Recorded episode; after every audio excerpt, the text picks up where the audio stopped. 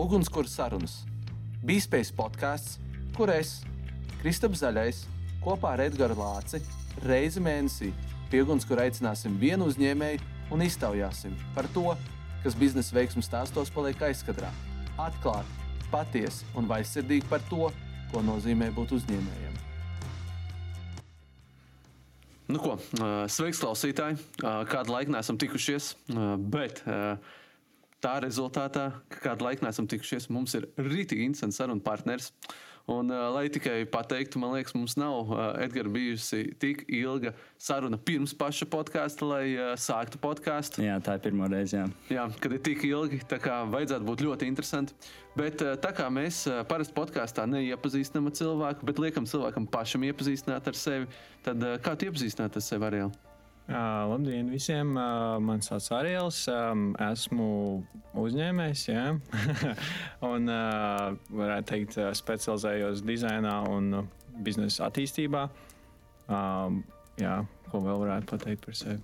Uh, nu es sāku no tā, ka es varu būt par tādiem pāris taviem dzīves svarīgākajiem pieturas punktiem, kā tu nonāci līdz šeit. Nu, līdz podkāstam var, protams, arī stāstīt, bet es domāju, līdz uzņēmēja darbībai tādi svarīgākie pāris pieturas punkti, kas teiktu, izveidoja tevi un es nonācu līdz šai vietai.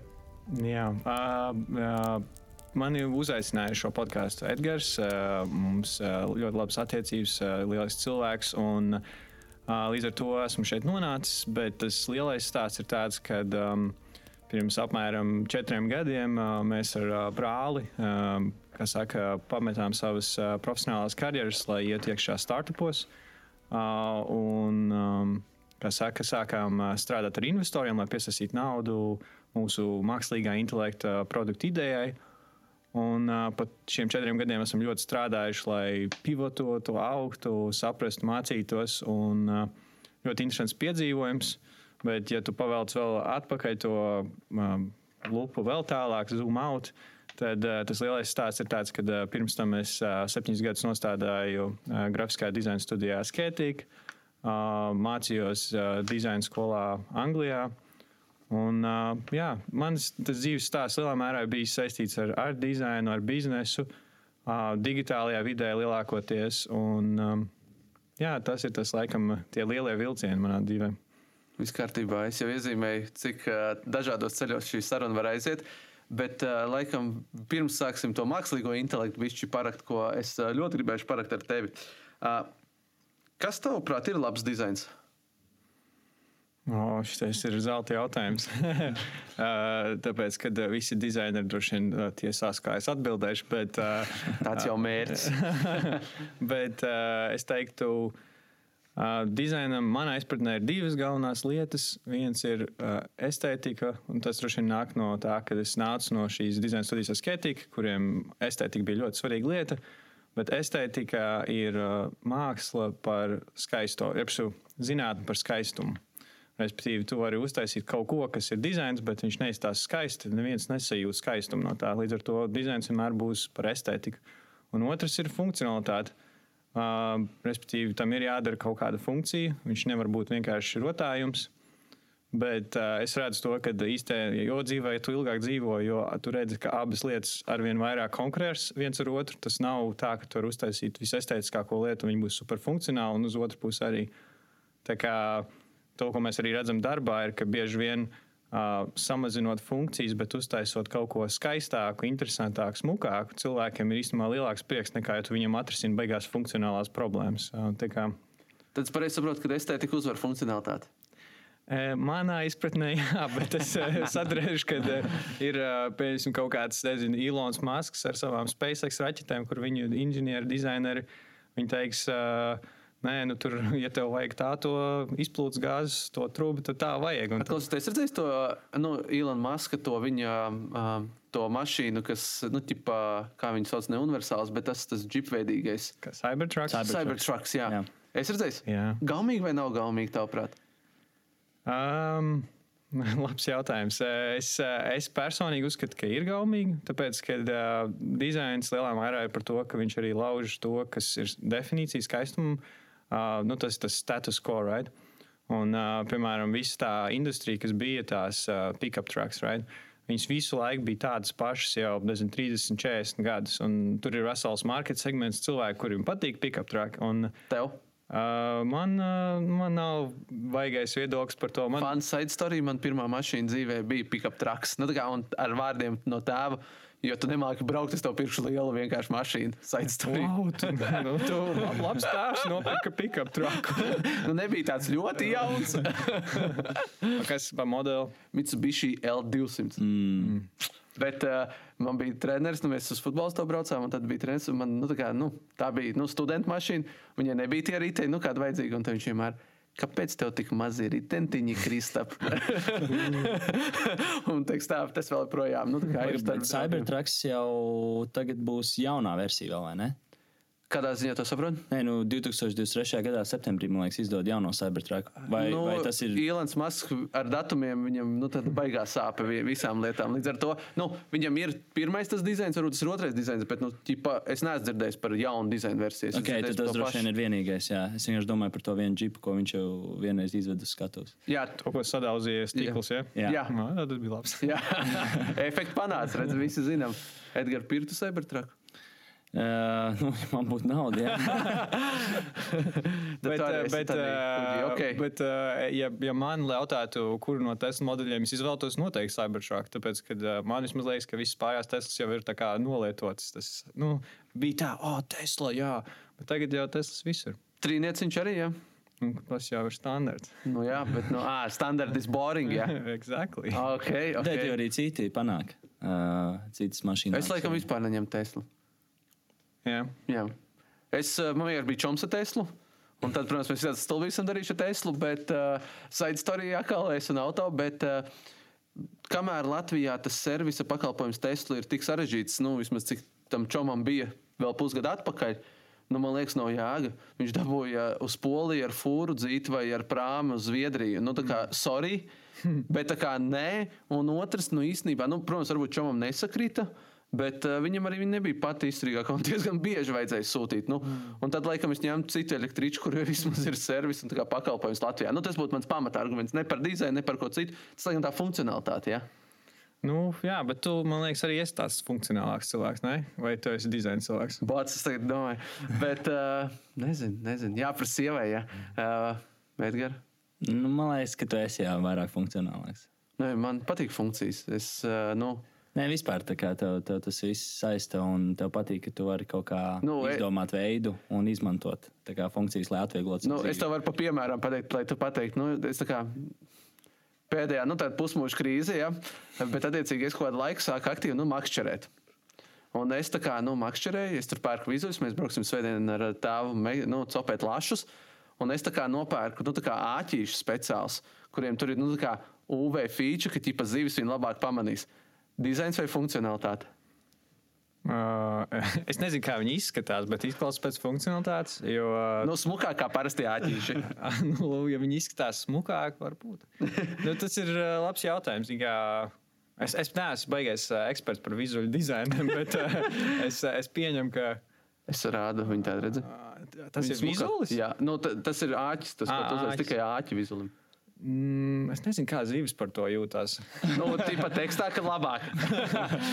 Bet nu, tas tā vienkārši tā Tad jau redzēsim. Jā, jā, jā, tur varēs pateikt. Bet nu, tas tā vienkārši. Bet jā, gan jau, gan jau funkcionalitāte. Mm. Varbūt vairāk. Bet, uh, ja no Teslām, tad man patīk tā mašīna, kurai durvis varās. Nu, tā kā kosmosa jā. kuģim. Jā, es, es to ņemtu. Dēļ tā, ka man patīk nereāli tās durvis, kā atverās. Un ģimenei ļoti arī friendly, kad viņi atverās mm, komplektā labs, vietā. jā, tas, tas, bija, nu, tie, tas bija tas stāsts par Teslu lielā mērā, ka viņš. Rebels, jā. Ilons paņēma šo viņa dizaineru, kas ir nu, galvenais dizainers. Man, cik es atceros, viņš viņu nocēla no jaunās dizaina komandas Volkswagenam. Mm. Bet varbūt es kļūdos, tie, kas zina, tad uh, sorry. bet, uh, bet apmēram kaut kāds tāds tas tāds bija. Un tad viņš uh, veidoja dizaina komandu, visu to dizaina estētiku tajā mašīnai. Un Vienmēr ir krūts darbs. Tev ir tu esi šīf par di mašīnu dizainu pilnīgi jaunai firmai. Tev nav nekāda politika, tu vari darīt, ko tu gribi. Un uh, viņiem lielā mērā bija diezgan konservatīvs tas dizains. Nu, respektīvi, nav nekāds tur Ferrari dizains, right? bet viņi izmantoja visādus tādus trikus, piemēram, Uh, tas pats uh, dashboards, right, kad tu iekāp mašīnā. Tesla bija pirmā, kas uztaisīja, ka nav nevienas pogas. Bet man liekas, tas tā kā ir stulbi. Piedod. Jā, nu, tas ir tas, ko viņi ir ir iemācījušies, ka tas ir ne tik labi, kā gribētos. Bet viņi izcēla sev. Jā, jā, jā, jā Nu, tik pamanīt. tāpat tās durvis arī. Es nedomāju, ka tas ir vislabākais. Tur eh, ir tie visi video, kur viņi sadalās tās durvis un visu kaut ko. Bet uh, tikai paturpinot to autosfēru, jo nu, mēs nezinām, kā mēs aizgājām uz autobusu. Parasti nav tāds autosfēras, bet let's bring it on. Uh, es vienkārši iedomājos, tu pieminēji Ferrari un pieminēji dizainu un funkcionalitāti. Uh, Formulu skaties kaut ko bišķi. Uh, es neesmu sen redzējis, bet man bērnībā ļoti patīk. Jā, nu tagad ir tā Netflix, tur Jā, jā. viss atpakaļ, tagad viss atkal ir fanboy formulē, es esmu rītīgs. Mm. Fanboys man tā kā ir, nu tā kā, lai saprastu uz gonkām, mēs tā kā pat valku, nu tā kā apģērba, nu tā kā es pērku tā kā gieru. Kurā komandā tu esi? Es esmu vairāk tāds čels, kuram bieži vien patīk tāpat arī nu, tā sportā. Man patīk tā kā personāži, vairāk nekā dažreiz pati komanda. Nu, nu. Nu. Red Bulls vai Mercedes? Nu, Mercedes ir garīgi garām. Mercedes ir galīgi garām. Man nepatīk, ka tur viens vaimanā visu laiku tā kā rādio. Nu, čīkstis tā, man nepatīk čīkstuļi. Kurā ir Hamiltons vai viņš vairs nespēlē? Tas ir tas čīkstulis. Jā, Ah, jā, es, es Jā. atceros, diezgan ka talantīgs čīkstils. Jo Bet uh, čīkstulis. Labi, es to nezināju. Jā, bet vienkārši nu, paturpinot to stāstu, tur ir doma, ka tur bieži vien, nu, un īstenībā Mercedes ir super labs case šajā gadā ir par to, nu, ka dizainiski un ķipa uzzīmējot, vajadzēja būt baigi krūtai formulai. Bet viņiem rītīgi nestrādā. Nu, viņi ir lēni. Un es domāju, un tas pats arī kaut kādā ziņā Teslai, no kurienes tas stāsts, nu, ka viņi arī kaut ko izdizainēja, bet tad, nu, kā īstajā dzīvē tas vispār nestrādā. Mm. Un kur ir tas brīdis, kur dizainers ir gatavs piekāpties nu, šitam stāstam un aspektam, un kā vispār tas process notiek? Man vienmēr liekas super interesanti. Oh, nu, tev labs jautājums. Um, es domāju, ka uh, tas ir dizaineru ego. Uh, ko es esmu redzējis industrijā, ir, kad um, uh, bieži vien jaun, ir tāds tā mid, vidusceļš. Es, teiktu, es nezinu, varbūt es atkal kļūdos tā ziņā, ka tie, kas ir dizaineri, to varēs, saka, validēt. Bet man liekas, ka kaut kādiem līdz tur 30 gadiem, varbūt nezinu, līdz 25, visi dizaineri domā, ka viņi ir dievi. Viņi zina visu labāk. Jā, es zinu, kā vajag pasaulē izskatīties. Un tad ir tā, kaut kāds periods, kad viņi ego tiek salauzts, nu, kad tu failo. Nu, tev nesanāk, tas nestrādāja tas tavs dizains.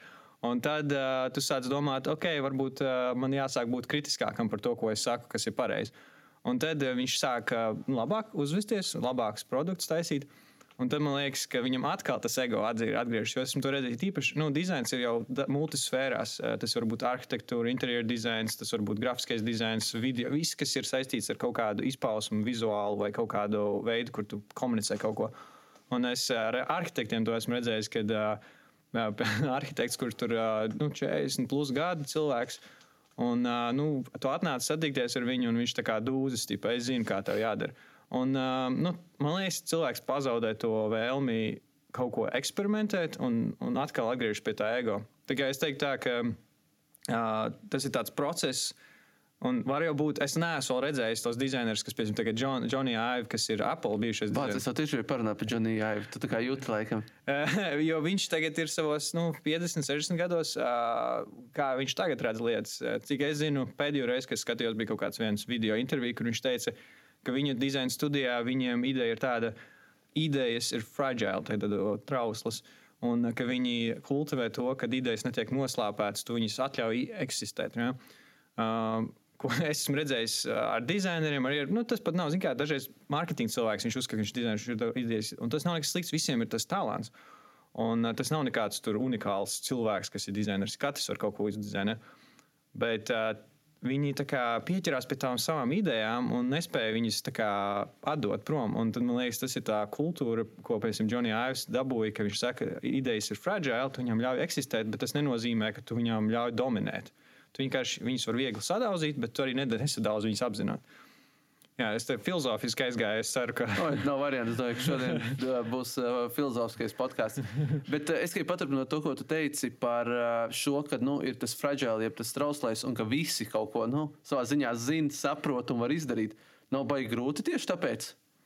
Nu, tā kā hockey, zini, ka tur visi varētu trenēt hokeju, jo zina, kā jādara. Es domāju, ka ir grūti, bet uh, cilvēki ir reāli gudri. Nu, tā, cilvēki nesaprot, cik mēs intuitīvi redzam lietas. To arī pats Džonijs Aivs vienā intervijā teica. Viņš teica, ka, ka tu um, skaties uz objektu, pēc skaties uz Edgara laptopu. tas ir tavs laptops vai tas ir skolas? Skolas. okay, so, uh, es zinu, ka tev ir Macs, tāpēc es drīkstu tā, tā pateikt. Jā. Un, uh, es uh, lielākā daļa cilvēku teiks, ka nu, tas ir smags laptops. Jā, okay. Bet, uh, kad viņi pastāsta varbūt uz mēku, uh, kas ir, nu, nav baigi mainījies kopš Džonijs uztaisīja to dizainu. Viņš ir alumīnija korpusā, kas bija Džonija īstenībā pirmais inovācija, ka viņi sāka alumīnija korpusu izmantot laptopiem, es to iepriekš nedarīju, uh, kas bija pilnīgs, milzīgs dizaina process. Un uh, cilvēks uzreiz intuitīvi domā, wow, šis izstāsta labi, tu viņam pieskaries, oh, smūgs alumīnijas, viss tāds. Un, un, um, un cilvēki tiesā līdz ar to tajā brīdī lielākā daļa cilvēku atzīst, ka šis ir labs dizains. Un šis ir. Līdz ar to visi, kas domā, ka viņi var uztaisīt dizainu, viņi vienkārši viņiem jāizliek savs dizains ar visiem acīs priekšā. Tad, kad viņas tiesās, tad viņi arī sapratīs. Un tad, līdz ar to tas, es ceru, ka es atbildēju tavu jautājumu, nu, ka visi var to izdarīt, vai tu esi gatavs, ka tu būsi tiesāts, un vai tev ir bieza āda iet uz priekšu, ka tev saprot, ka tu nerūpīgi fišku. Nu, tā. mm -hmm. Tad uh, vajag biezu ādā dizaineriem. Ja? Jā, kā nu, daudziem, ja, tu, ne? ja, tu, ja, tu negri, ja tu gribi kaut ko labu uztaisīt, ja tu gribi savu ego papajāt, tad uh, nevajag biezāt. Vienkārši visiem mēģini iestāstīt, ka tu zini labāk. es vēl uh, uz to vēsturi atgriežoties. Uh, nu, teici, pamest to profesionālo karjeru un, un pievērsties startupiem. Mm -hmm. Nu, tā kā doesn't sound great. Nu, kā, kā, kā šitais notiek? Tā kā, uh!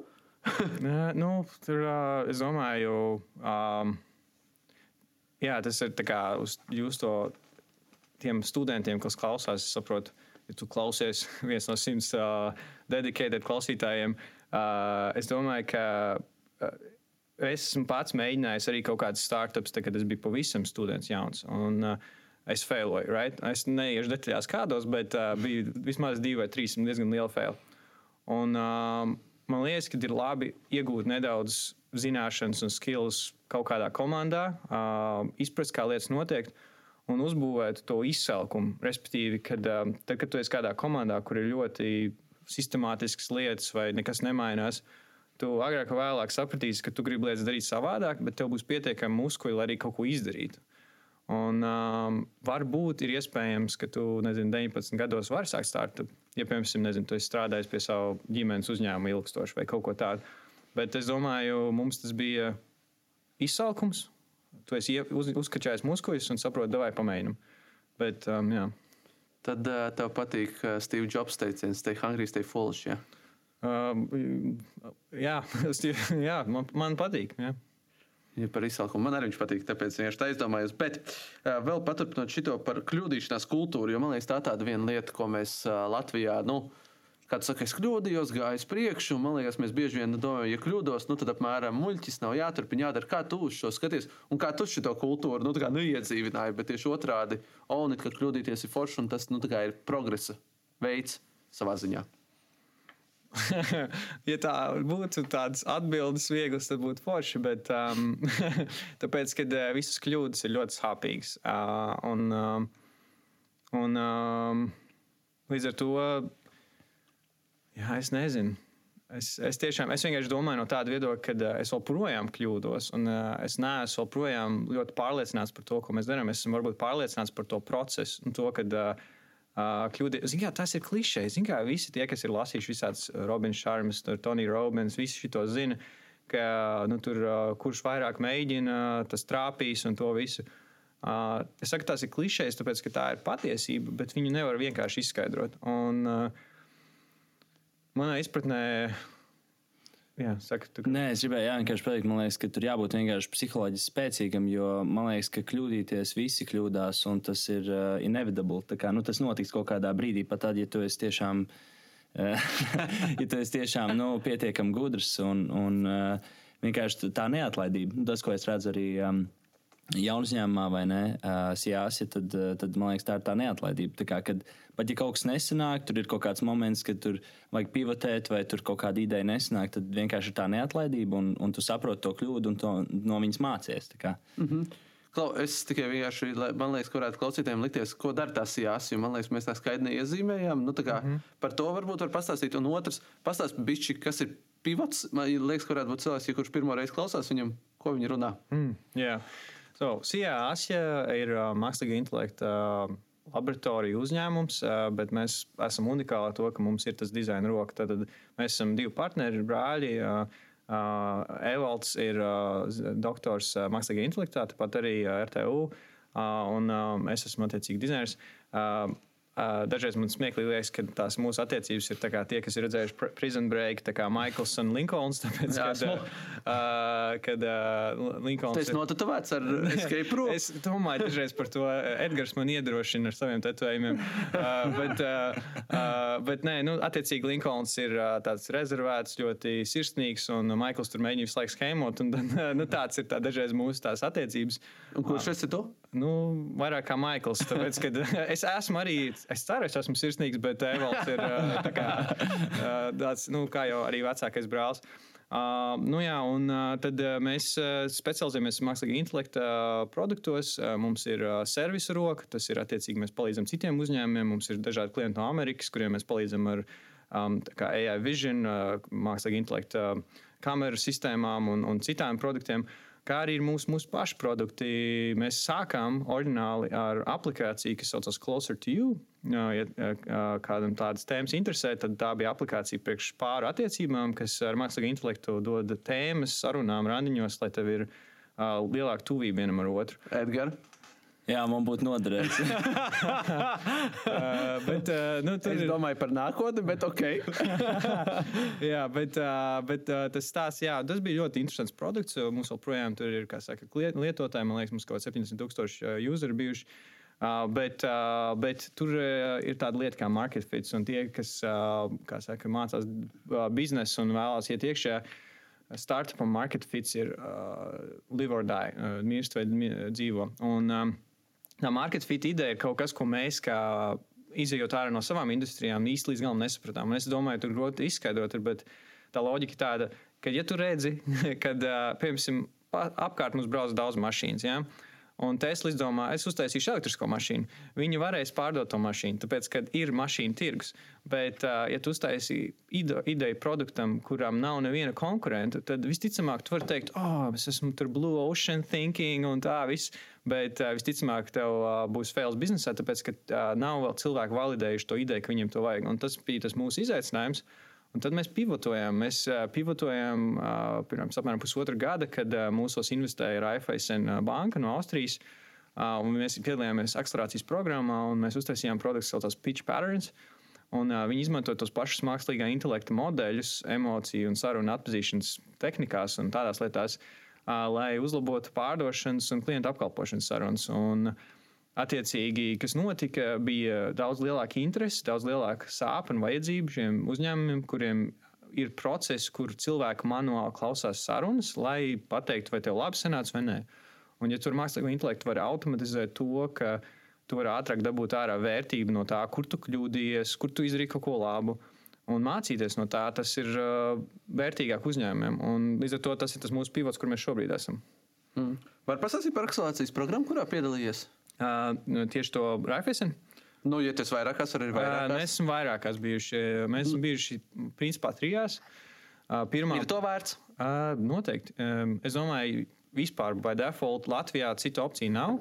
Latvijā visiem tie, kas interesē, nav tik izteikts eņģeļu investoru tīkls. Līdz ar to, ja tev uh, vajadzēs naudu pirmajam tikai idejai, tu nevarēsi vienkārši atrast kādu, kurš tev varēs eņģelī iedot naudu. Varbūt tev ir kāds draugs vai kāda paziņa, bet tur ir. Nu, arī tā kultūra Latvijā, diemžēl, tāda, ka cilvēki baidās pazaudēt naudu. Līdz ar to tas nav. Bet ir akcelerācijas programmas. Un akcelerācijas programma ideja ir tāda, ka valsts un arī citas interesanti ir gatavi investēt, un viņi nebaidās to pazaudēt, jo tās summas ir mazākas, nu, piemēram, teiksim, 20,000 vai 50,000. Un, uh, mēs sākām uh, caur programmu Buildit, uh, akcelerators, uh, kas bija. Uh, likumā ierakstīta speciāla automa programma, liels kredīts automam par to, ka viņi kaut ko tādu uzdrīkstējās un dara. Un es domāju, ka vēl būs noteikti vēl tādas programmas. Un, uh, viņi mums palīdzēja dabūt pirmo prototipu, vispār sākt. Un tad uh, pēc tam vēlāk mēs bijām šajā Raiffeisen programmā, kas bija Austrijā. Uh, šī programma, lai visi saprotu, tas ļoti vienkārši ideja. Tu vienkārši pieskaries programmai, kur tu redzi, nopičo savu ideju, tiec cauri pāris kārtām un viņi te uzņem. Uh, Dažreiz programmās tev dos finansējumu, dažreiz tev dos tikai iespēju piedalīties, bet viss ir vērtīgs. Nu, Un, uh, jo, piemēram, vēl viens tāds interesants programma bija Oxford CDL, Creative Destruction Lab. Šī ir ļoti unikāla programma. Ja tev ir mākslīga intelekta ideja, tev noteikti vajag tur iet. Ļoti sarežģīta programma. Mēs ar Evaldu braucām uz Oxfordu, prezentējām tā, tā kā Jedi koncilam. Tur, es nezinu, kāds ir bijis Oksfordā, bet tur ir tāds apaļš istaba, kur ir uz leju. Un tad tu noej lejā, un tev ir apkārt visi tie Jedi councils un izvērtē un, uh, bet tas, kas tur bija tāp, bija, ka, ja citās akcelerācijas programmās viņi mēģina attīstīt tevi kā cilvēku, jo viņi zina, ja tu kā uzņēmējs vai šis founders mēģinās augt, tad ir lielāka iespēja, ka tev kaut kāds sukses būs, whatever tas sukses būs. Uh, Bet Oksfords programma bija unikāla, tāpēc, ka viņiem neinteresēja tik ļoti, kā tu audz. Viņi vienkārši principā, gribēja izdedzināt tavu ideju, lai atrastu market fit pēc iespējas ātrāk. Un, um, nu, jā, tur ir daudz ko stāstīt, bet tā, tas ir tas mūsu stāsts šobrīd. Okay. Uh, kā ir Anglijā? Uh, tu tur gan studēji, gan uh, gāji savu startup. Kā ir? Ir tā sapņu zeme? Uh, nu, es domāju, ka nē. Um, protams, tas kā katram tas uh, dzīves stāsts ir. Uh, un es zinu, ka uh, zinu, kā Edgars arī piemēram, bija Austrālijā. Tas, man liekas, tas, tas pieredzes, ko tu dabūji no ārzemēs, ir amazing. To vajag darīt. Um, es domāju, tā loģika. Mēs bijām, ap citu, kad mēs uh, ar sievu tur dzīvojām, mēs bijām diezgan iesakņojušies. Mēs, mums meita piedzima, viņa ir brita pilsone, viņai joprojām nav Latvijas pasa. Uh, un, uh, Bet eh, tad Covid sākās, un tur bija šausmas. Visi domāja, ka pasaule beigsies. Es atceros, ka es Bitcoin pirku 25. martā. Es domāju, o, 3000 uh, dolāri. un, un tad tur viss šitais bija smieklīgi. Bet, uh, bet tad sākās tas Covid, un tad mēs saka, sapratām, ka uh, ģimene ir svarīgāka par to lokāciju. Mēs pārvācāmies. Um, es ilgtermiņā, ja mēs būtu palikuši Anglijā dzīvot ilgtermiņā, es ticu, ka tur var iesakņoties arī. Bet uh, tur ir liela barjera tam, ka tu ka tu neesi saka, vietējais un tev nav tas uh, tīkls tik spēcīgs. Līdz ar to es teiktu, tā, ja tu tā kā dzīvē gribi pārvākties uz citām zemēm, es uh, to iesaku testam, bet ne ilgtermiņam. Mm. Okay. Uh, ar ko tu gribētu aiziet vakariņās, ja tu varētu jebkur cilvēku aiziet vakariņās? Dzīves beigts, vienalga kā vēlēsies. Uh, dzīves beigts? Nu, dzīves vai beigts, tad dažreiz jautā, nu, vai tāds, kurš tagad dzīvo, vai arī beigtu. Izvēlēties. Nu, tas ir tā filozofiski, vai tā reāli? nu, viens filozofs, viens reāls. Okay, filozofiski ar Jēzu. Uh, tad... ja kas man liekas, viņš nav pirmais, kas saka jēzu. uh, nu, ja mēs runājam par cilvēku, tad, uh, nu, uh, un, ja ne filozofiski, bet tā, nu, nu lietišķi darba lietās, tad, uh, nu, man liekas, ka būtu interesanti satikties ar, ar Džoniju Aivu. Esmu dažreiz domājis, oh, man patīk Steve's Jobs, bet uh, esmu divas reizes viņa biogrāfiju izlasījis. Un, uh, nu, ir cilvēki, kas ir tik sarežģīti, ka viņi, nu, viņi nedod tev tik lielu vērtību, kā tev liekas. un uh, Jobs bija nu, ļoti sarežģīts cilvēks. Un līdz ar to, es, ja es viņu satiktos, es droši vien būtu foršs satikšanās, bet uh, man nebūtu beigais sirdsmiers. Tā kā es izvēlētos Johnny Ive over Steve Jobs. okay. uh, Aiva biogrāfija ir lasīta. Jā. Tā ir ok. Nu, viņš nav tik sarežģīts, ja es neesmu lasījis. Uh, viņam, sapcīt, nav oficiāla biogrāfija, tā ir tā pseido biogrāfija, mm -hmm. bet viņa ir ļoti laba. Viņš, viņam, Džonija Aiva vispār ir ļoti interesants tas, tāpēc, ka viņa tēvs uh, izveidoja dizaina izglītību Anglijā. Uh, bija tāds, nu, tā kā to ar, ar skolu saistīts. Viņš, bija, viņš ieviesa tādu tā kā dizaina. Uh, kursu. Uh, un tā, tas citu dizaina kurs nāca no Bauhaus, kas ir no vācu dizaina filozofijas. Līdz ar to uh, kā, viss tas Apple nāk no kaina vācu idejām. uh, viss Porsche un uh, viss, kas. Nu, Vācijā ir ļoti labs dizains. Vācija, Itālija un Japāna un daž, dažreiz arī Skandināvija. Uh, jo Skandināvija. Ikea. Skandināvija paņem no citām vietām. Tas nav tā, ka Skandināvija ir kaut kāda unikāla. Bet, jā, IKEA. ja man vienkārši kandidāta dizains ir IKEA. Nu, jā, jā, jā. Uh, un, uh, nu jā, līdz ar to Džonija Aiva tēvs bija amazing, ka viņš ielika to dizaina izglītību veselā paudzē. Es, kad biju skolā, um, tajā Anglijā, es biju diezgan šokēts. Uh, es nezinu, kā ir piemēram RBS. Es zinu, ka man kāds teica, vai Matīs, vai tu, Edgars, teica, ka RBS ļoti sasaistās tagad ar um, Harvard vai kuru skolu. Tur bija tas kurs kaut kāds. Uh, Tu nezini, ja? Nē, tad Tas, man liekas, nebija Edgars. jā. Jā, tas bija Matīs. Nē, kāds man teica, ka, kad uh, tur ir kaut kāda izveidota saikne ar Harvard spēcīgāk. Es ceru, ka šī nav konfidenciāla informācija. No universitātes podkāstā. Eh, Tā kā mēs tam paskatīsimies. Bet uh, my point par to ir, ka kad, uh, ka tas ir forši redzēt, ka universitātes arī paņem kaut kādas idejas across dažādās universitātēs. Un, um, ko es redzēju Anglijā, kad izrādās, ka tas pats dizaina kurs, jo es, biju, es mācījos University of Central Lancashire, kas ir politehnikas skola augšā ziemeļos. Tāds, tā kā nevar teikt lauki, bet nu, tāds dizaina skola ne Londonā. Ja? Bet tā dizaina kursi, moduļi ir tieši tādi paši across the whole nation. Visā nācijā ir tādi paši moduļi.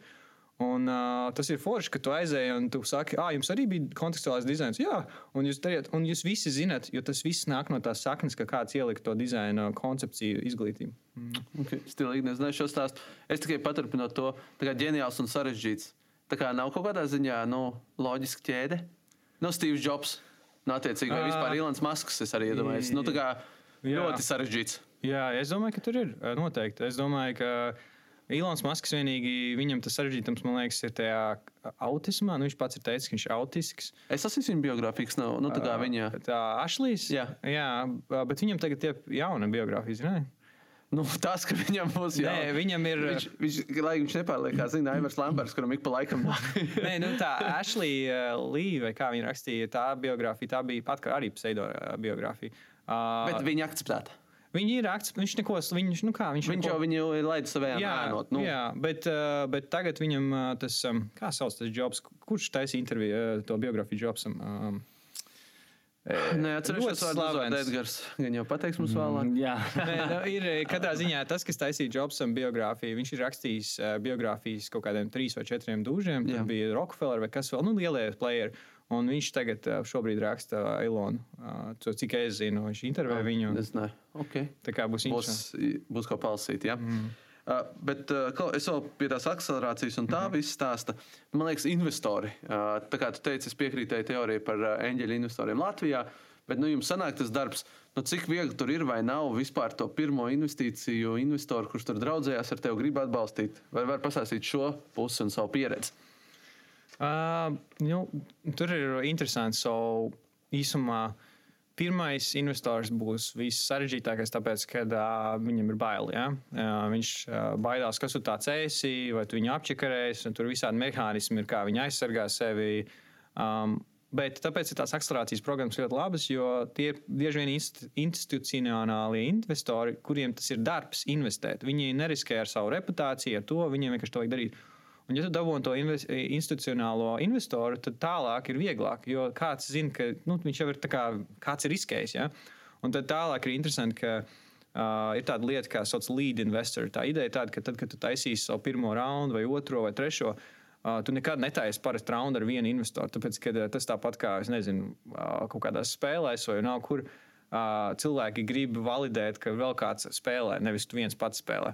Un tad, piemēram, otrajā raundā mēs veidojām lead investors. Mums bija viens, kuram pievienojās, nu, piemēram, konkrēti, mēs, tas ir publiska informācija. Tad, tad, uh, mums bija Change Ventures, kas ir Latvijā, Andris Bērziņš, lielisks investors. Un, um, un tad bija blakus uh, tam bija tāds starters, kāds turku investori un uh, tāds Pirate Equity, divi kanādieši un uh, nīderlandieši, tādi uh, itīgi, burtiski pirāti. Viņi vienkārši atbrauca, uztaisīja divus zvanus un atstāja naudu. Un, uh, bet nu, tas bija viņu koncepts uh, kā investoriem. Un, uh, un tas tāds mazs rauns pa vidu, un tad vēlāk vēl. Un tā ir tā loģika. Nu, Tur, nav, tur vari tur baigi sadraudzēties, būt baigais, tur, oh, man izdodas runāties. Investori ir freaking gudri. Viņi nav nekādi muļķi. Viņi ļoti labi atpazīst visas lietas. Un viss tas, ko tu vari ar muti izdarīt, ir viegli. Nu, viņi atpazīst to. So, protams, tev vajag viņu pārliecināt, un tā, bet mēģini iedot labu vīziju. Uh, ideāli tev kaut kāda cipari, un uh, mēģini dabūt kādu, kurš tic, kas ir līdzi, un viņš tev palīdzēs vākt kopā citus. Kur viņus atrast akcelerācijas programmās? Jā, no akcelerācijas programma ir lielisks sākums. Jo tu dabūsi, tu, jo viņi grib tev palīdzēt. Saproti, uh, investoru mērķis ir palīdzēt tev kļūt augstākā vērtībā, nu, valuācijās. Jo tad viņš var pateikt, o, oh, viss iet labi. Ja? Un līdz ar to viņam ir viss darbs. Viņš neskatās tavā biznesā, ko tu tur tērē, kā tu strādā. Protams, viņš nedaudz skatās, bet viss, ko viņš dara, ir, vai es tev iedod kādu investoru, vai es varu to. Un tā tur arī var atpazīt labus investorus. Tu kaut kā var principā, pajautāt viņiem to upfront, uh, kā viņi iepazīstina citus, cik viņu spēcīgs networks ir.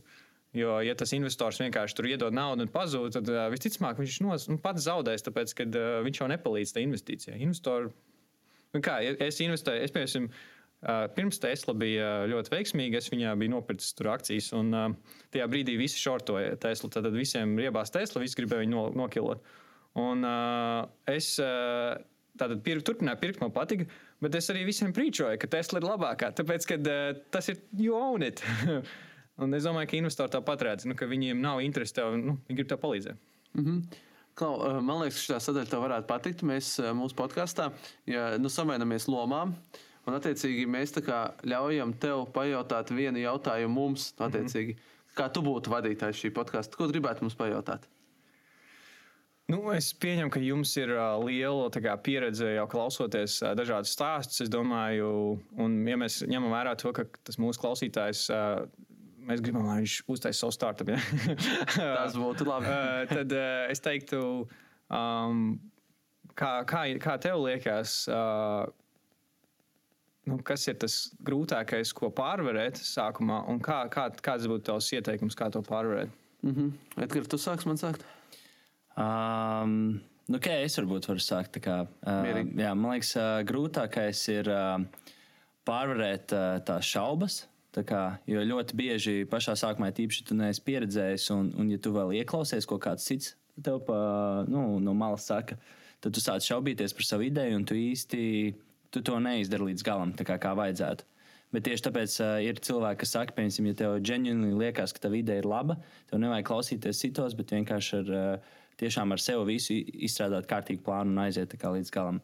Man liekas, ka tās šaubas ir tas, ko, ko visgrūtāk pārvarēt pašā sākumā. Ir. Okay lai vienkārši savā ziņā oponētu un piekristu Edgars. Es teiktu divas lietas. Nu, ja prasīja viena, tad jāsaka divas. Bet uh, viena, es teiktu, slinkums.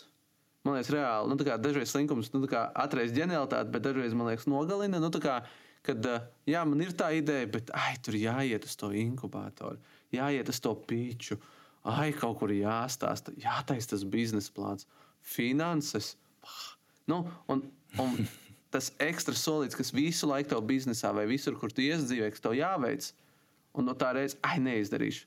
Un tā ir katra reize, kad tu nogalini. Nu, kā, un, jo vairāk tu izdarīsi piekāpšanos, jo vairāk tu nogalinās mm. savu ideju, nu, to vai potenciāli, vai vēl kaut ko. Tas būtu viens. Nu, kā, kā to nu, kā pārvarēt, ja iesi sev pa dubs un iet, nekas cits nepaliek. Nu, tas ir tas darbs ar sevi, nu, un sevi, nu, savu prātu un, un, un izlikt sev no tās komforta zonas, nezinu, kāpā darīt un vispār. Es domāju, tev taču Nebija tā, ka tu zināji, kas ir akcelerācija. Nezinu, no 15 gadu vecuma un visu dzīvi mērķiecīgi gāja uz akcelerāciju. Nē, nē, nē. Nu, tas ir liekas, tas stāsts. Nu, ja mēs kaut ko gribam, jā, mēs ejam soli soli, un tas kaut kur aizvedīs mūs. Nu, tā kā mm. loģiskāk, neloģiskāk. Tas ir viens.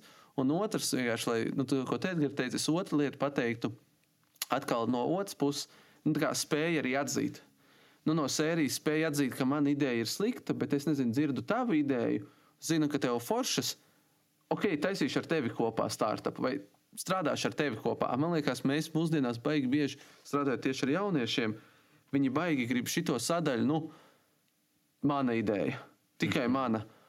Komandā ar kādu, nē, mans. Nu, kā, ja pie manis, jā, bet es pie cita nē. Un man liekas, šitais, protams, jātic savai idejai, bet kaut kā tev jāsaprot un, un, un apvieno spēkus. Nu, Redz, tev arī forši stāstu kopā ar brāli. Nu, viens nav karotājs savā ziņā, ja tā var teikt, karš slikts šajā brīdī, bet nu, pēc domas vajag tos cilvēkus. Un, ja tu nedabūsi viņus apkārt, tad tas slinkums nāks vairāk un vispārējais. Tāpēc vajag uh, kāpāties, man liekas, viens un otrs, nu, kā piekāpties kaut kādos brīžos, sadzīvot kopā ar cilvēkiem, līdzīgi domājušiem, iztaisīt.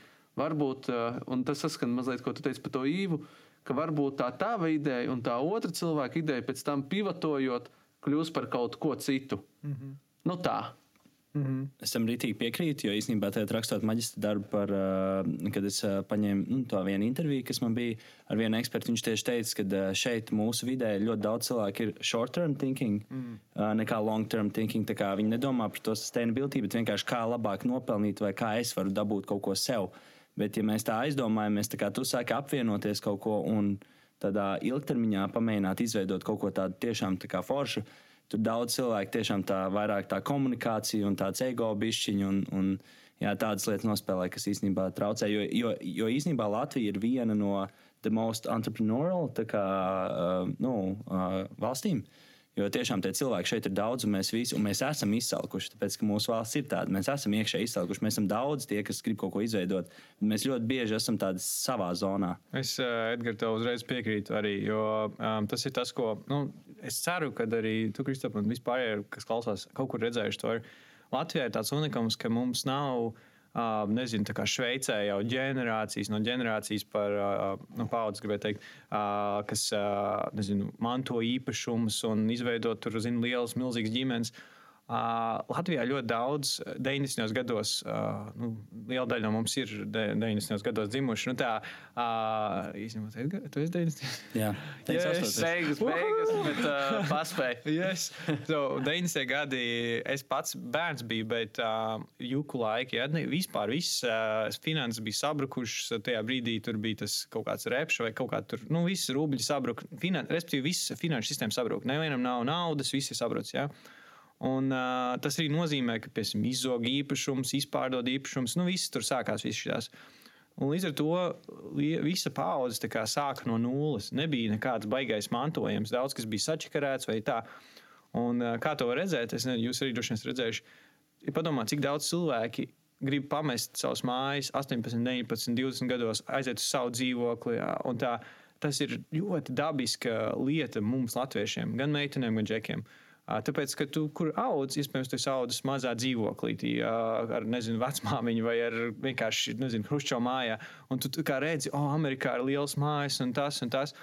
Un tas ir tas izsaukums, ko Edgars, man liekas, ļoti labi komentēja. Nu, tu esi izsalcis sev pierādīt. Un tad, kad tu nezini, es kaut kādā brāčkā biju uz Grieķiju, aizbraucis, tas nav ofens tu Grieķiem, bet Grieķiem nav izsalkums. Viņiem ir tie silts, labi. Tur bija tas valsts parāds un tā, un, un, un līdz ar to kā, mums šeit ir augsts ziemās, vajag siltas drēbes, siltumu, tas viss maksā naudu. Kā, man liekas, tas ir lielisks. Man tas iedrošina kā latviešiem, ka tā, jā, tā ir asketikai, kad mēs strādājam, mēs strādājam ar vienu dizaina projektu, kas saucās Bez cīņas nav uzvaras. Varbūt kāds ir redzējis tādus krekliņus. Mm -hmm. Tas bija viens no projektiem, ko arī es iesaistījos, bet tur nu, tas stāsts īsumā ir tāds, ka Ansis Cīrulis, viens no Latvijas pirmajiem tādiem dizaineriem, viņš bija tas, kas definēja Latvijas karoga proporcijas. Viņš uztaisīja savu fondu, kas ir tāds unikāls latviešu fonds. Ja? Un, uh, viņš to fontu bija izmantojis strēlnieku 18. gadā, brīv, nu, brīvības cīnītāju karogā. Jo tajā laikā bija tā, ka tev bija bataljons, tev bija unikāls karoks, nu, ar ko tu biji lepojies. Un vienā no tiem karogiem bija rakstīts, bez cīņas nav uzvaras. Un tad, kad mēs to tēkraklu reanimējām, tas bija apmēram 100 gadus vēlāk. Mēs sapratām, ka tas bez cīņas nav uzvaras. Tas ir latviešu gars. Tas ir tā kā mēs vienmēr cīnāmies un mēs nepadodamies. Un, uh, Jā, tur mēs neesam tur, zini, lepnākie par sevi vai iedomīgākie, bet mēs vienkārši cīnāmies. Un tas man vismaz iedrošina, ka uh, tas ir tās latviešu stāsts. Okay. Uh, vēl viens topoks, ko es arī gribu pacelt, ir par mākslīgo intelektu. Yep. Mēs visi nu, būsim bezdarbnieki. Ja? Uh, nu, mm, es nezinu, es uh, visi to saka. Vakar man burtiski arī viens uh, džeks, viņš tāds, oh, nu, ko tu zini, kas ir noslēpums, ko tu esi uzzinājis. es, no. es, es domāju, ka uh, kā, īsa atbilde ir tāda, ka, uh, um, ka droši vien, ka nē, bet uh, tā garākā atbilde būtu tāda, ka uh, cilvēkiem vajadzētu saprast, ka tas, kas notiek ar mākslīgo intelektu, ir pilnīgi citā nozīmē. Nu, cit, manā izpratnē, citā līmenī, eh, kā cilvēks saprot. Tas nav par darbiem, tas ir par uh, spē, power, jeb tam, kas pieder spēks.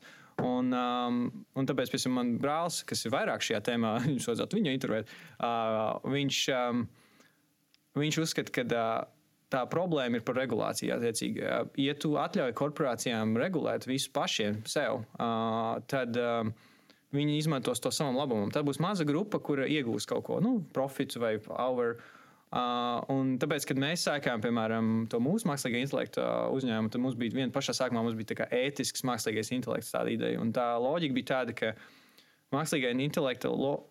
mērķim vajadzētu būt, ka tas palīdz cilvēkiem nezinu, dzīvot vieglākas dzīves vai būt spēcīgākiem, un tas ir pieejams visam. Uh, tā analoģija būtu tāda, tie, kas nezina vai zina, IKEA. Uh, IKEA radās oriģināli, tā visa dizaina filozofija radās Zviedrijā. Uh, no zviedru feministu kustības, ko neviens droši nezina. Bet uh, tas stāsts bija tāds nevis tā kā modernais feminists. Tas bija uh, divas sievietes, kas bija homemakers, nu, mājās sēdēja. Un viņas saprata to, ka uh, visas nu, liela daļa sievietes, sievietes Zviedrijā dzīvoja tumšos, netīros dzīvo, nu, mājās. Nu, Un, uh, viņas domāja, nu, kā mēs varam palīdzēt cilvēkiem dzīvot skaistākās mājās. Un, un viņi sāka domāt idejas. Un, uh, tas viss noved līdz tam, ka viņi izdomāja pirmkārt, ka visam ir jābūt viegli tīrāmam un viegli izmantojamam. Tātad balta krāsa, ja? jūs zināt, ikā viss ir balts. uh, un otrs bija, ka tam ir jābūt uh, skaistam. Un tad uh, tas trešais aspekts bija tas, ka, lai katram ir iespējams kaut kas skaists mājās. Tāpēc trešais bija uztaisīt tos produktus tā, lai viņus var viegli salikt un lēti pārdot. Un tagad tev ir uh, mazā Hruščova dzīvoklī amazing interjers cilvēkam, kurš nevarētu atļauties dārgu interjeru, tāpēc ka viņam ir pieejams skaists lietas. Uh, protams, tur ir apakšā IKEA matkārība gadu gadiem gājis uz otru pusi, bet uh, oriģinālais dizains bija tāds. Un es domāju, tā vajadzētu AI būt, ka tas ir pieejamāks. Bet, uh, Kā, tas ir vairāk par tavu sfēru, kā, tieši kā politiski tas tiks menedžēts. Jo no, no, no, no paša zinātnīs viedokļa, no inženierijas viedokļa, ja kāds to uztaisīs, tas aiziet uzreiz pie politikas jautājums, kurš, nezinu, kuram interesēs ir to palīdzēt, demokratizēt, vai kur interesēs ir to. Superfilozofējam tālāk, vai kaut kādā brīdī mēs viņu varēsim vēl ierobežot? Uh, tieši kādā ziņā? Nu, viņam nebūs jāklausa mūsu. Tu domā, Matrix? Terminator. uh, nu, jā, es nezinu, kā, protams, es domāju, ka tas notiks eventually. Um, es nezinu, kā tas tāds. Uh, Nu, tā kā tie, kas arī zina, uh, Ilons Masks uh, tagad uh, domā taisīt savu uh, chat GTP uh, alternatīvu. Ja?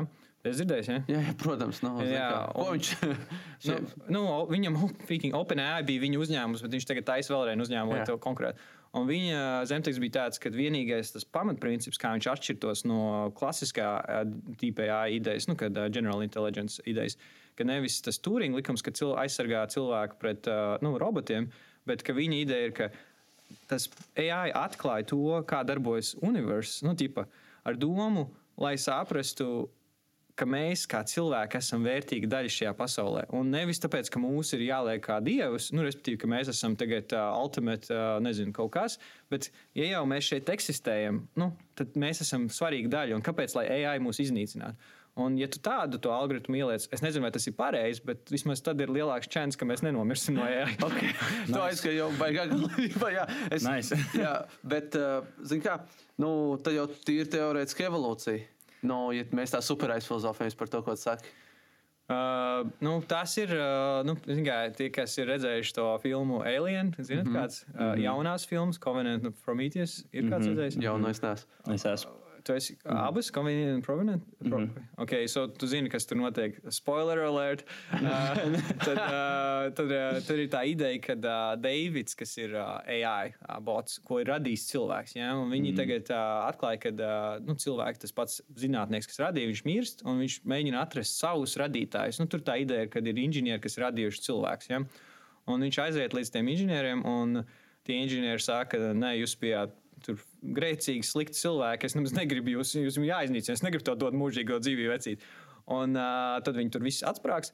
Bet tas īsa versija. nu, jā, un tad, Visi studenti vienkārši. uh, un, un tad uh, paliek kaut kāds viens charakters, cilvēks, kas tur izmūk, un Deivids. Bet pa vidam vēl ir tas ciklonēties tā radība, nu, aliens. Un tas Deivids ir izdomājis, ka viņš tagad būs uh, jaunais radītājs. Uh, Un uh, viņš tajos cilvēkos eksperimentē ar ģenētiku, lai pārtaisītu savu radību. Un viņš principā darbojas. Un tā, tā ideja ir, ka tā evolūcija ir tā kā, nākamais levels kaut kam, bet nu, tur ir ētika visādi. Kāpēc tas AI grib iznīcināt iepriekšējo? Kāpēc tas inženieri grib iznīcināt iepriekšējo? Nu, saprotam. Jā, Klau, tad var vēl to jautājumu vien par šo ētiku, jo tas man liekas, ka mākslīgā intelektā ir tas interesantākais. Mm. Protams, viens ir tas tehniskā puse, nu, kā viņi attīstītu, lai viņš paliek gudrāks, bet es domāju, to varētu daudz nesprast, bet ētiskā puse ir tāda ritīgi sataustām daudziem. Uh, mašīna, mākslīgais intelekts spēja pati braukt. Uh, saprotam, ka cilvēks lielākā problēma pie mašīnas stūres. Mm. Noņemam tiesības nu, tādā ziņā, lai brauc mākslīgais intelekts. Un īstenībā pat teorētiski viss ir ieguvēji. Mākslīgais intelekts tagad braucam, tu tur minēji Porsche, ja pieminēji sarunā, nu, lai iet Porsche. Um, braucam Porsche, mākslīgais intelekts spēja ātri izreikināt, būs avārija, nomirst vai nu šoferis, vai nomirst visi autobusā. Kāda izvēle viņam jāizdara? Es nezinu, es, Reāli labs jautājums. man, man liekas, Tas, tas ir jā. nu, tas ētikas tipiskais Jā, jā. jautājums par mašīnas. Nu, tā kā, jo cilvēks, nu, būsim godīgi, mēs bieži vien darbojamies reflektīvi, nu, mēs nevaram izdomāt. Mašīna ar mākslīgo intelektu viņi varēs izdomāt un izrēķināt īstenībā varbūtības. Tas ir liekas, jautājums. au- autosko- Autoskolā nebija arī kaut kāds līdzīgs jautājums. Kaut kas tur bija par to, kad, kā reaģēt, ja tā notiek. Pēc tam neatceros vairs tik labi. Nu, man liekas, jā, ir. Uh, kā, Tā, tā loģika būtu tāda, tu gribi jautāt to man, manu viedokli, re? un tad Jā. ir otrs, ir uh, varbūt tā, kā tam varbūt vajadzētu organizēties vispār uz priekšu. Mans viedoklis ir tāds, ka um,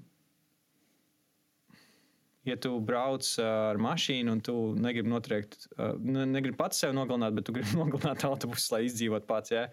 Uh, es, ne, es vienkārši reiz mans. Tas ir Bet, tā ja kā, mēs, nu, tā kā inovēt, tu nopērci mašīnu, kas tev nogalinās. Inovēt. Jā, tas būtu slikts pārdošanas Vai, vai modelis. ne? Pitch nav labs. Uh, nē, es īstenībā tieši uh, aizvakar domāju par to, ka zinu, ka Ilons tagad baigs spiež to, ka tas self-driving būs tūlīt. Viņi beidzot, beidzot dabūs. Ja? Neticu, bet to. Uh, Jā, nu, viņš saka, ka beidzot būs. Ja? Un es braucu ar, pa ielu ar mašīnu, un, uh, un uh, tur ir tāda stri, strikta situācija, kur man ir jādod, uh, nevis jādod ceļš, bet viens cits čeks ir izbraucis uz ceļu, un viņš grib iebraukt, bet viņš bloķē satiksmi, bet man nav jādod ceļš. Un es domāju, ir cilvēks, kas zina, ka man viņš jāpalaiž, tāpēc tas dod drošības sa- sa- satiksmē. Bet kādā veidā AI varēs paredzēt šī tik unikālu gadījumu? Un tie tā kā, ētiskie vai vienalga kaut kādi cilvēka principi, ko tu iemācījies, es nezinu, kā viņi to iemācīja. Un ir īpaši, kad mēr, nu, kā, nu, man liekas, tā vēl viens šis feature, nu, kad tev vēl paralēli ir neracionālais cilvēks. Mm. Nu, es vēl kaut kādā ziņā tam redzu loģiku, sapratni par to, ja visi mākslīgie intelekti nu, savā ķēdē, nu, tipā smart city, tur viss viņas smuki. Bet tad tev pretī ir, tā kā tu saki, no atvainojos, neracionālais cilvēks. Mm -hmm. Kas pēkšņi tādā situācijā, kur tu esi visu izreikinājis un tipa pareizi, bet viņš ir aizmaucis bez dodiet uh, ceļu opcijas vienkārši pa taisno. Nu tā. Un plus vēl, ja pieņemsim, iedomājies līdzīgi kā iPhone vai ne, visu laiku kāda update. Un, pieņemsim, ceļi arī tiks citādāk izveidoti, mainīsies zīmes, kaut kāda konstrukcija, notiks kaut kas.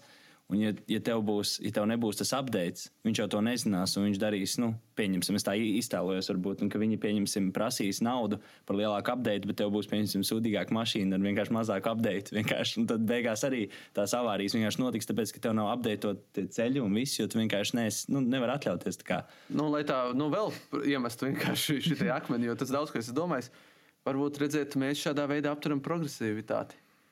Uh, mēģinot izdomāt, ja nu, ja nu, ja nu. Mm. Tad vietā mums ir uh, cilvēks, kurš turpina nogalināt viens otru ceļu. Nu, tas tikai aizfilozofējot vēl vienu. Jā, nu, tā var būt. Es zinu, ka Ilons parasti to argumentu izmanto. Viņš saka, ka šitais būs daudz drošāks, bet Jā. uh, tad, kad no, nobrauc viens cilvēks, tad uzreiz vairs neliekas tik droši. Nu, tā Jā, jā, jā, tāpēc es saku, tas ir. Kurā brīdī tā ir progresivitāte un kurā brīdī tā ir nu, piesardzība, loģika. Nu, tas vienkārši ir arī vēl viens super interesants ceļš. Jā, nu, es domāju, tas īsais, eh, nevis īsais, bet tas eh, kā, nevis ob, subjektīvi, ko es domāju, bet tas objektīvais modelis, kāds varētu būt, ir, uh, mums ir tiesa sistēma, mums ir likumi. Ja? Un es kaut kad nesen par to domāju, cik tas īstenībā ir amazing, uh, vispār cilvēks izdomāja to, ka vajag likumus un ka vajag tiesu sistēmu. Labi, tur ir politiskā puse arī, bet tā ir vieta, kur cilvēki ir vienojušies par kaut kādiem principiem. Bet tā problēma ir tāda, ka šobrīd nav neviens vienojies par to tehnoloģiju, jo viņi tik ātri kustās uz priekšu. Un tie, kas ir pie varas, viņi nav iekšā tajā. Un, uh, nu, tā jau visu laiku notiek, vai ne? Nu, un tad ķeram, ķeram līdzi, cerams, jā. Nu, tikai super aizfilozofējot pats. Mēs tikai filozofijas Iedomājieties, neceļamies. kas notiek te ar kaut kādu. Jā, mm. Ne, Es tikai par to tiesu sistēmu. Jā, Jā, Kaut saka, jā. no vienas puses amazing, ka mēs varam vienoties. Bet nu, tāpat mēs visi nevienojamies sabiedrībā, jo mums, diemžēl, viņi pārkāpj. Tas ir viens. Un iedomājieties, cik būtu skaista sabiedrība, ka mums nevajadzētu mēs tāpat to darīt, jo tas būtu mūsu galvās, nevis ka mums vajag to atrakstīt. Jā. Jā, nu, tā būtu. Es nezinu, kā. Um, Es tagad domāju, precedentu. Mums dizainā ir tāda loģika, ko mēs vienmēr saucam, eh, ja tu izdomā, ka dizainam tam vajag būt precedentam. Tāpēc, ka eh, nu, kaut vai references referencam, ka tev ir eh, kaut kas līdzīgs bijis. Un es vienkārši domāju, vai ir kādreiz bijis dzīvē moments, kur kaut kas tam līdzīgs jau ir bijis un strādā. Nu, ja tev ir kaut kas galvā ielikts. Nu, super, atkal filozofiskais. Nu, Hammurabi likuma no kā sākās. Nu, pirms Hammurabi likumiem jau īsti citu likumu, vismaz par kuriem mēs zinām, nav.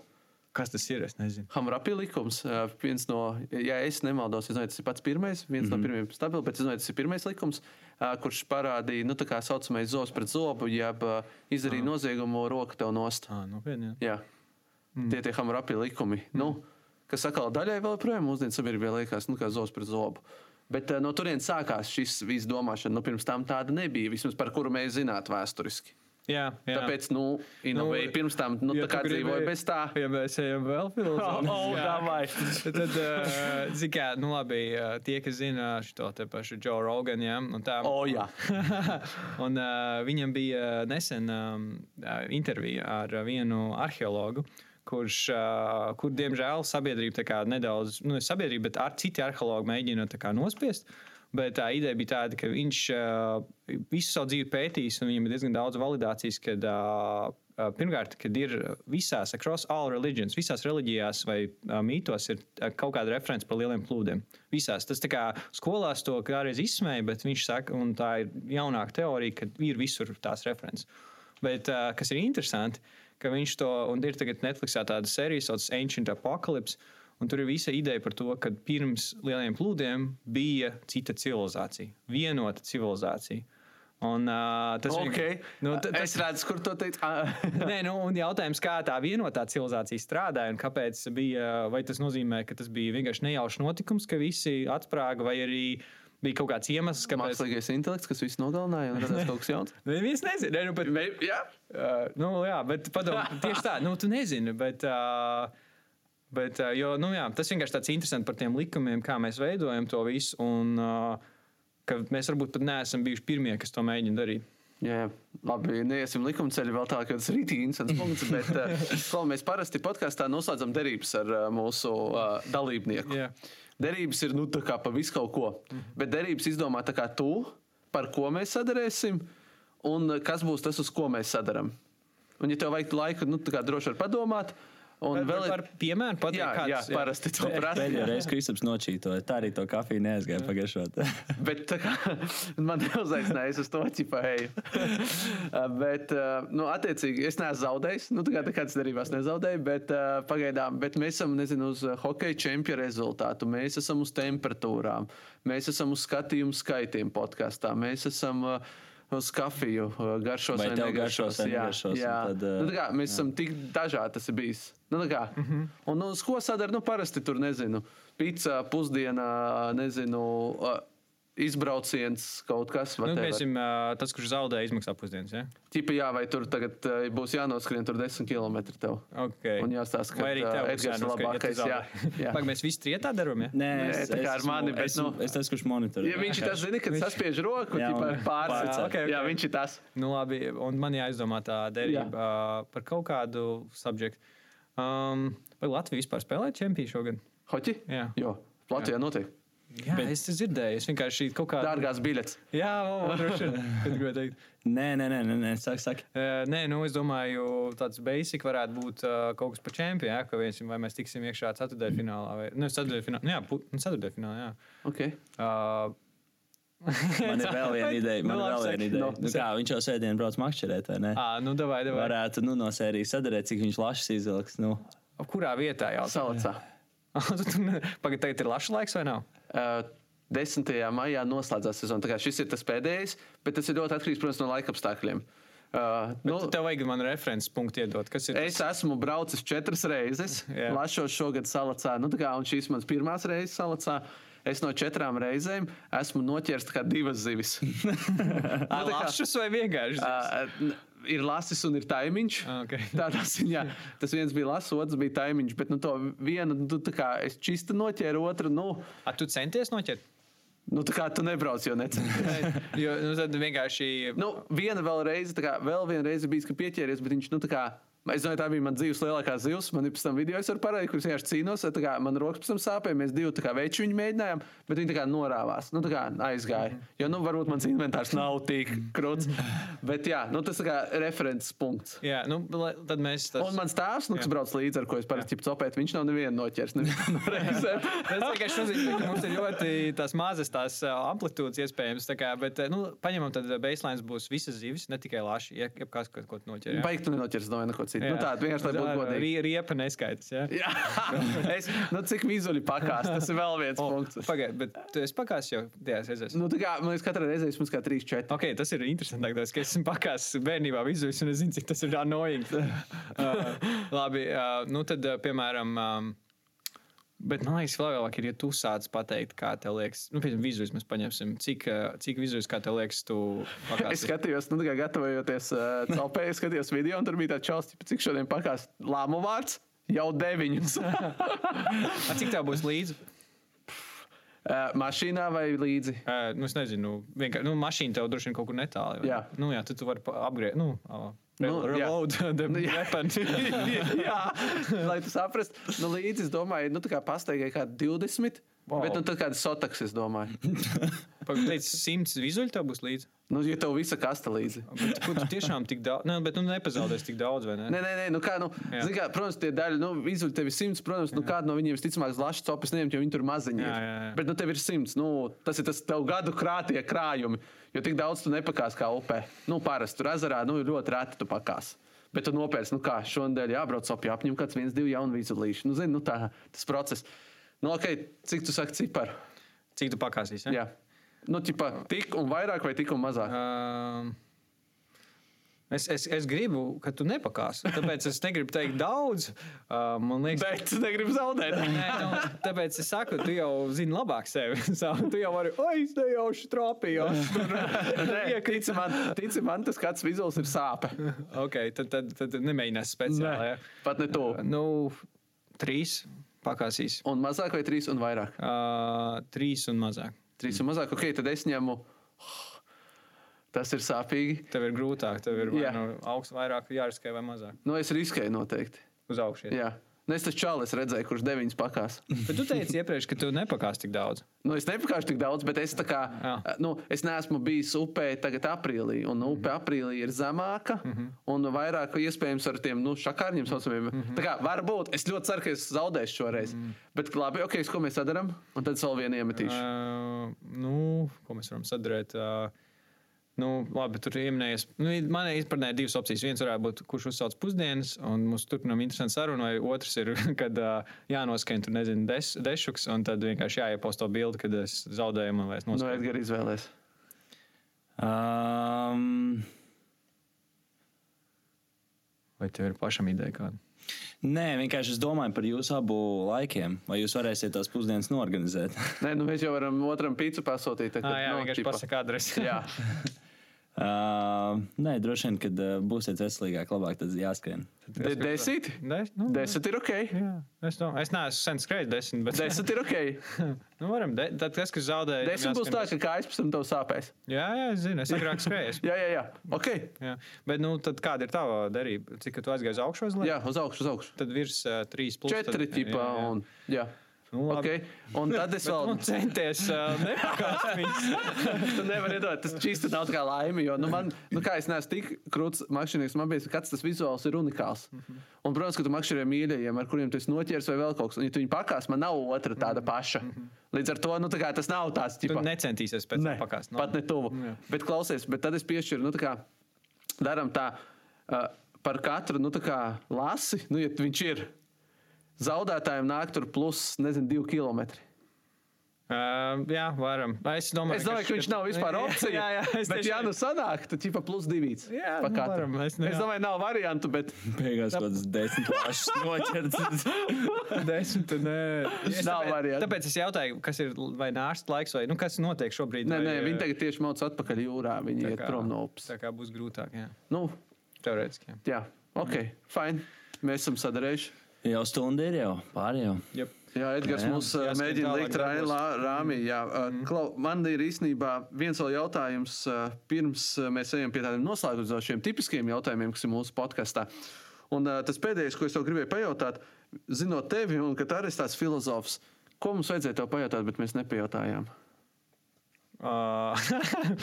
Es nezinu, es tādu, man, tas ir tas triki jautājums. Ja? Nu, Nē, nu, visādi. Bija jau pāris arī. Bija jau ceļam. pāris, es jau jūtu jau tādu. es nezinu, es nezinu, tiešām. Es drīzāk teiktu, nu, ja man tāda pēdējā komentāra, kad Nu, es jau tev došu vārdu, vēl būs tādi tipiskie. Bet, es, es nezinu. Man. Ok, tev liekas, mēs. Nē, viss fajn. Tas tā arī var es būt. esmu diezgan kluss cilvēks. Bet uh, pļāpīgs, tas ir labi. Tas ir Tad, labi. ja man atver, bet tā ir tipisks latviečs. Okay. Uh, pirms mēs ejam pie diviem tipiskiem jautājumiem, tev es šoreiz pamocīšu Edgars, nu, lai kaut kas tāds jauns, Oh, savādāks. Ko tu paņemsi no šīs sarunas, vai kas tev liekas būtu tā kā jāpaņem nu, tādā listītē, sarakstā no šīs sarunas? Um, Tas brīdis, kad ir am, tas nozīmē, ka ir labi. Nē, man liekas, vispār ir tik forši, ka, teiksim, es sēžu podkāstā ar diviem saviem vadītājiem, un kad mūsdienās esam nonākuši līdz tādai situācijai, kur tu vairāk vai mazāk centies dabūt to rezultātu. Nevis tu esi tāds apspiests, nu, tādā ziņā, kas man ļoti patīk. Kad, piemēram, var būt tāda brīvība, un tu vairāk tiešām ej uz to rezultātu. Un, un, un, jā, tas, tas būtu viens, varbūt. Uh, un, uh, jā, un otrs ir tas, ka uh, vispār uh, arvien vairāk mums attīstās Latvijā jaunu uzņēmumu ekosistēmu. Un man ir rītīgi liels prieks, kā, kad, uh, kad es pilnīgi jūtu, ka apkārt cilvēki daudz vairāk domā un daudz vairāk grib izveidot kaut ko savu. Un arī tiešām uh, nes to Latvijas vārdu tālāk, tā kā, kas ir rītīgi forši. Arī tagad, piemēram, tekstils vai ne, man gandrīz ļoti daudz pazīstamie tur ir, un visiem patīk, un visi grib tur būt. Un, un pilnīgi prasa tev kā uz koncertu, tev būs biļets. tā Kā, nu, tas ir rītīgi interesanti. kā forši. Uh, Prieks dzirdēt. Klau, tad noslēdzošais trīnieks tev. Kas ir trīnieks? Trīs jautājumi. Oh, okay. Bija vēl viens. Tu gribēji vēl vienu? Nē, bija vēl viens jautājums, ko tu aizmirsti. Par Ah. billboardu. Ah, nu, ok. Uh, varbūt no trīniekā bija. uh, labi, tad būs četri tev. Ok, Okay, nu. Pēc pieprasījuma no publikas, ja Edgars. Nu, es mēģinu tos dažreiz miksēt, tos instantus, bet okay, Ok, okay. ok. Okay, uzliksim šo. Labi. Uh, pirmais, es gribēju pajautāt tev par tādu tavu top trīnieka ieteikumu studentam, kas klausās, uz ko mēs ceram, kas taisat savu startup vai domā. Tavs top trīnieks darbības, ko tu ieteiktu viņiem darīt? Iet, domāt, nezinu, whatever. Um, okay. Protams, nedaudz ir konteksts svarīgs. Uh, nezinu, kāds ir tavs dzīves tas, uh, situācija. Iedomājieties, ja tev nezinu, ir grūti ar finansējumu, tad uh, ir grūti vienkārši sākt startup, jo tu ļoti ātri sapratīsi, ka uh, nu, finansiāli grūti vai ne. Uh, līdz ar to uh, nedaudz jābūt kontekstam. Bet, uh, ja, piemēram, tev konteksts nav, kas tev attur, vienalga, tev ir vienkārši tā kā, vienalga, kas es iešu uz priekšu, tad pirmais, man liekas, ir esi komfortā ar sāpēm. Un neko, es tiešām to saku no sirds, tāpēc, ka man liekas, tas ir. Uh, No pain, no gain. Yes, yes, viss šitais. Tāpēc, kad, un es ap citu to nesaku tikai no savas pieredzes, man nesen viens draugs atsūtīja foršu video no Billion Dollar Company Čāls, kurš CEO runāja. Un viņš, viņš tā pasaka, viņš tā saka, viņam piezvanīja cits uh, founders, viņš, uh, nu, CEO, kurš lielu uzņēmumu vada, un viņu atlaida. Un viņam 33 gadi tam founderim. Un viņš saka, oh, vecīt, esmu tāds lūzers, man atlaida un vispār dzīves saks. Viņš saka, tu esi bēbis, vecīt. Tu neko nezini. Uh, tas, ko tu redzi filmās, kad tur Zaks uztaisa uzņēmumu par trīs gadiem un kļūst par miljardieru, tas ir viens no miljonus vai nezinu, desmit miljonu vai simts miljonu gadījumiem. Lielākā daļa uzņēmēji taisa savus uzņēmumus 20, 30 gadus, un, un tad viņi uztaisa. Un pa vidam tev būs ļoti daudz pain, un tas nevis ir normāli, bet tam ir jābūt, tas norma. Un, līdz ar to vienkārši sagatavot mindsetu, kad, tad, kad tu sāc just sāpes, tad tu zini, actually, un sāpes varbūt tev riebjās tas, ko tu dari, tev nav motivācija, tev piečakarē, tev nav naudas, tev ir bail, tev ir veselības problēmas. Tas viss ir tā sāpes. Un, tā kā es to teiktu, teikt, jā, tas ir mans galvenais, ko es teiktu. Okay, tas būtu tavs. Okay. Tad uh, ejam uh, Edgars mīļāko jautājumu. Uh, Tātad tev iedod uh, Ņujorkā. Es biju, neesmu bijis. Esmu, jā, vienu reizi dzīvē. Jā, es arī vienreiz dzīvēju. Un, nu, tu biji tās ielas, kur tie trakie billboardi skraida visur Jā, Wall jā. Streetā un tur tālāk. Priekšu. Squares, jā. Un tev iedod to billboardu pilnīgi bez maksas, lietas, ko gribi viņā iekšā. Ko tu liktu? Uh, kaut ko smieklīgu. Man vienkārši tie billboardi tā riebjās. Es domāju, tur neviens viņiem neskatās. Viņi ir tā, tur piebāzt. Es vienkārši ieliku kaut kādu tur pranku, vienkārši tur. Uh, nu, Tāpēc, ka, nu, lai vienkārši cilvēki, es arī to darbā filozofēju, nu, ne filozofēju, bet es saku saviem klientiem dažreiz, un tā es saku, nu, ka tas, ko mēs darām ar pitch patterns, pārdošanas uh, uzlabošanu. Ja? Uh, pārdošana ir foršs subjekts, bet viņš ir grūts, viņš nav viegls. Pārdošana ir kaut kas, kas tev jāmācās un tā. Un, uh, let's make it fun. Kāpēc vajag visu uztaisīt serious? So, yeah. Mm -hmm. Kas dod tev cerību? Kādā kontekstā? Nu, tā pa dzīvi. Motivācija tā. Arī vari tādu vārdu izmantot. Uh, jā, nu, uh, tas ir visfilozofiskākais jautājums. nu, noslēdzošie. Tur, tur jau tikai smagāk. Es varu pajautāt tev to pašu. Vienkārši, lai saprastu, kā tu to atbildēsi. kas dod cerību? Uh, es teiktu divas lietas, kas dod cerību. Viena lieta, laikam, es esmu ritīgs optimists uz jauno paudzi skatoties. Man liekas, ka gan tas ir par studentiem, bērniem, skolēniem.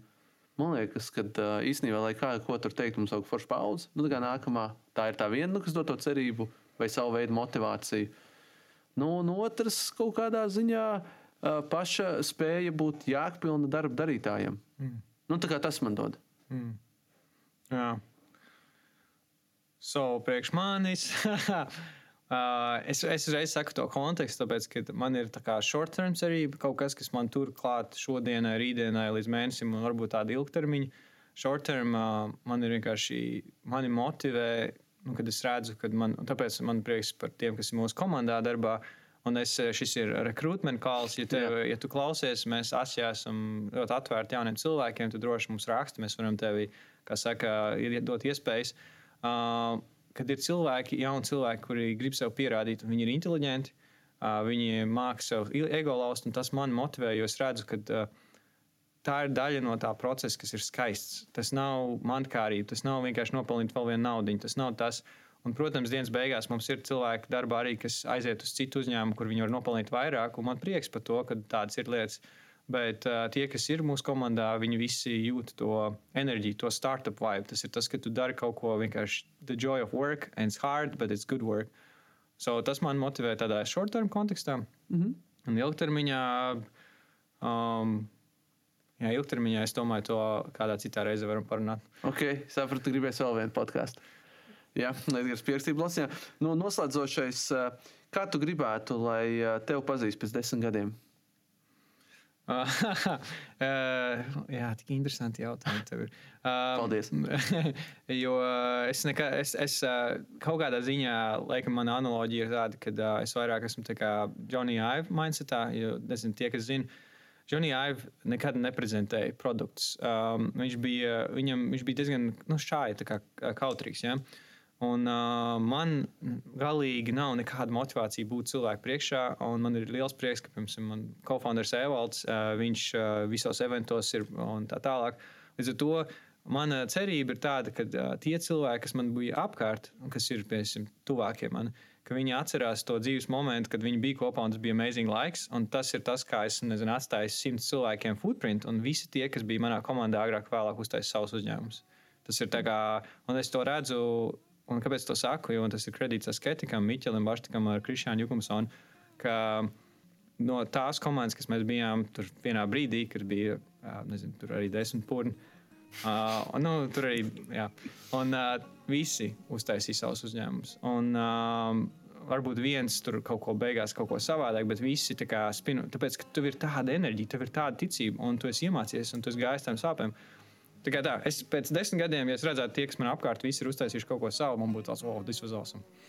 Nu, labi. Nu, tad, uh, lai tev un apkārtējiem uh, ir labi, lai pēc desmit gadiem sanāk redzēt to, ko tev gribās. Paldies par podkāstu. Man likās nereāli interesanti. Rītīgi forši. Un ceru, ka klausītāji tev arī liekas uh, tāpat. Un uh, tiekamies jau nākamajos podkāstos. Paldies, paldies jums. Jā, tā. Atā. Šis ir Rīgas Reņģa Universitātes biznesa inkubātora BSPACE un studentu mēdīs skaļāk veidots podkāsts. Bīspējas ir radīts ar mērķi atbalstīt un veicināt inovāciju, līderības un uzņēmējdarbības iespējas RSU studējošiem. Podkāstu vadīju es, Kristaps Zaļais, klausīšanai sagatavoju Andris Strautiņa, Ričards Vasiljevs, Krišjāns Bite un Diāna Surgunte. Klausies mūsu studentu mēdījā skaļāk un populārākajās podkāstu vietnēs Spotify, Apple podkāsts, Google podkāsts un citur.